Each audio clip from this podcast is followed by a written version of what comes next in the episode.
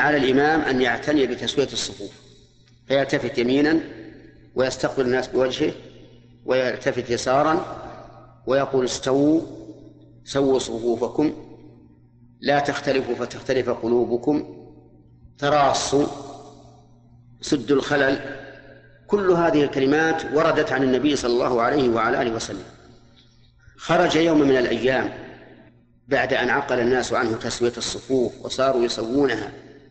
فرأى رجلا باديا صدره يعني متقدما بعض الشيء.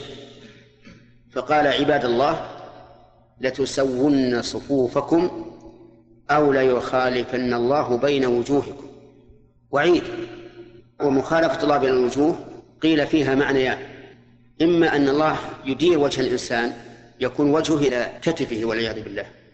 وإما أن المراد لا يخالفن الله بين وجهات نظركم. فتفترق القلوب وتختلف. لقوله لا تختلفوا فتختلف قلوبكم وأيا كان سواء لي الرقبة حتى يكون الوجه إلى جانب البدن أو أن المراد اختلاف القلوب. كلها وعيد شديد. وهذا يدل على أنه يجب على الإمام أن يعنى بتسوية الصف.